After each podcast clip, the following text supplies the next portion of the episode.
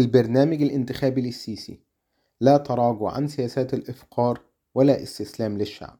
لا تراجع ولا استسلام.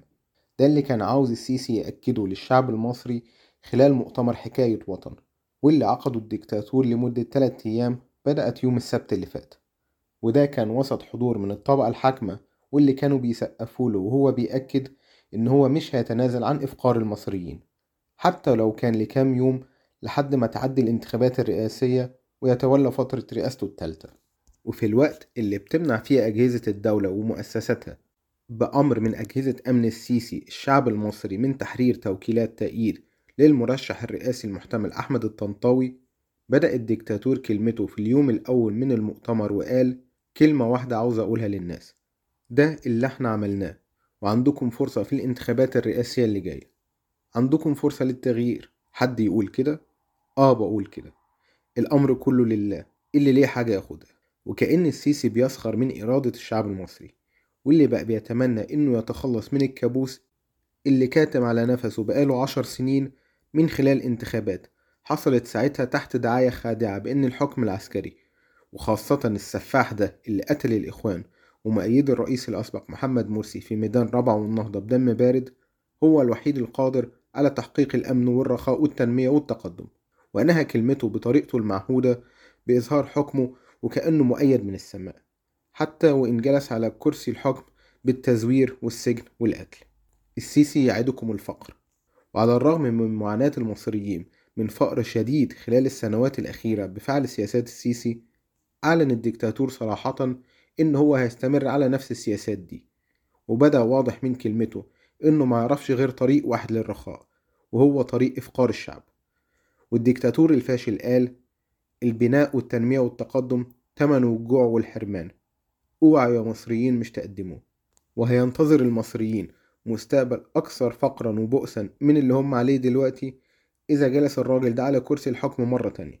وهيحكمنا عن طريق صندوق النقد الدولي بديونه وقروضه وفوائدها. هل السيسي هو مصر؟ دايما بيحاول السيسي بخيابة إن هو يربط بين الانتقاد اللي بيوجهه المصريين له وبين مصر والمصريين. وكأن اللي بينتقد السيسي وقراراته السياسية بينتقد مصر وكل المصريين بالضرورة. والسيسي قال في كلمته في المؤتمر كل تفاصيل المكر والإفك على مصر خلال العشر سنين اللي فاتت امتداد لبناء حالة من عدم الثقة للإنسان المصري وبتبقى جزء من الشخصية المصرية تبقى متشككة غير واثقة في نفسها وبلدها. بناء فكر وجداني اتعمل خلال أربعين وخمسين سنة. أنا أو البانجو فجأة وبدون مقدمات قال السيسي أنا كنت بكلم السادة مجلس القضاء العالى الصبح وقلت لهم تخيلوا ممكن أهد مصر باتنين مليار جنيه. وهم استغربوا جدا. أدي باكيتة وعشرين جنيه وشريط ترامادول لمية ألف إنسان ظروفه صعبة. أنزله يعمل حالة. فكان يا ترى الدكتاتور عايز يقول إيه بالكلام ده؟ خاصة إنه مفيش مجال للحديث عن الباكيتة أو الترامادول خلال مؤتمر من المفروض إن هو بيتكلم عن حكاية وطن. ومن الصعب جدا إن إحنا نصدق ادعاء والحكمة. وبعد كده بيتكلم مع أعلى جهة قضائية في البلد عن طريق تدمير مصر بالبنجو والترامادول. وبعدين إيه الجمهورية الجديدة اللي هيبنيها طبيب الفلاسفة واللي بيظهرها بالضعف اللي هيوصل إن هو ممكن يتم هدمها بالباكيتة والشريط؟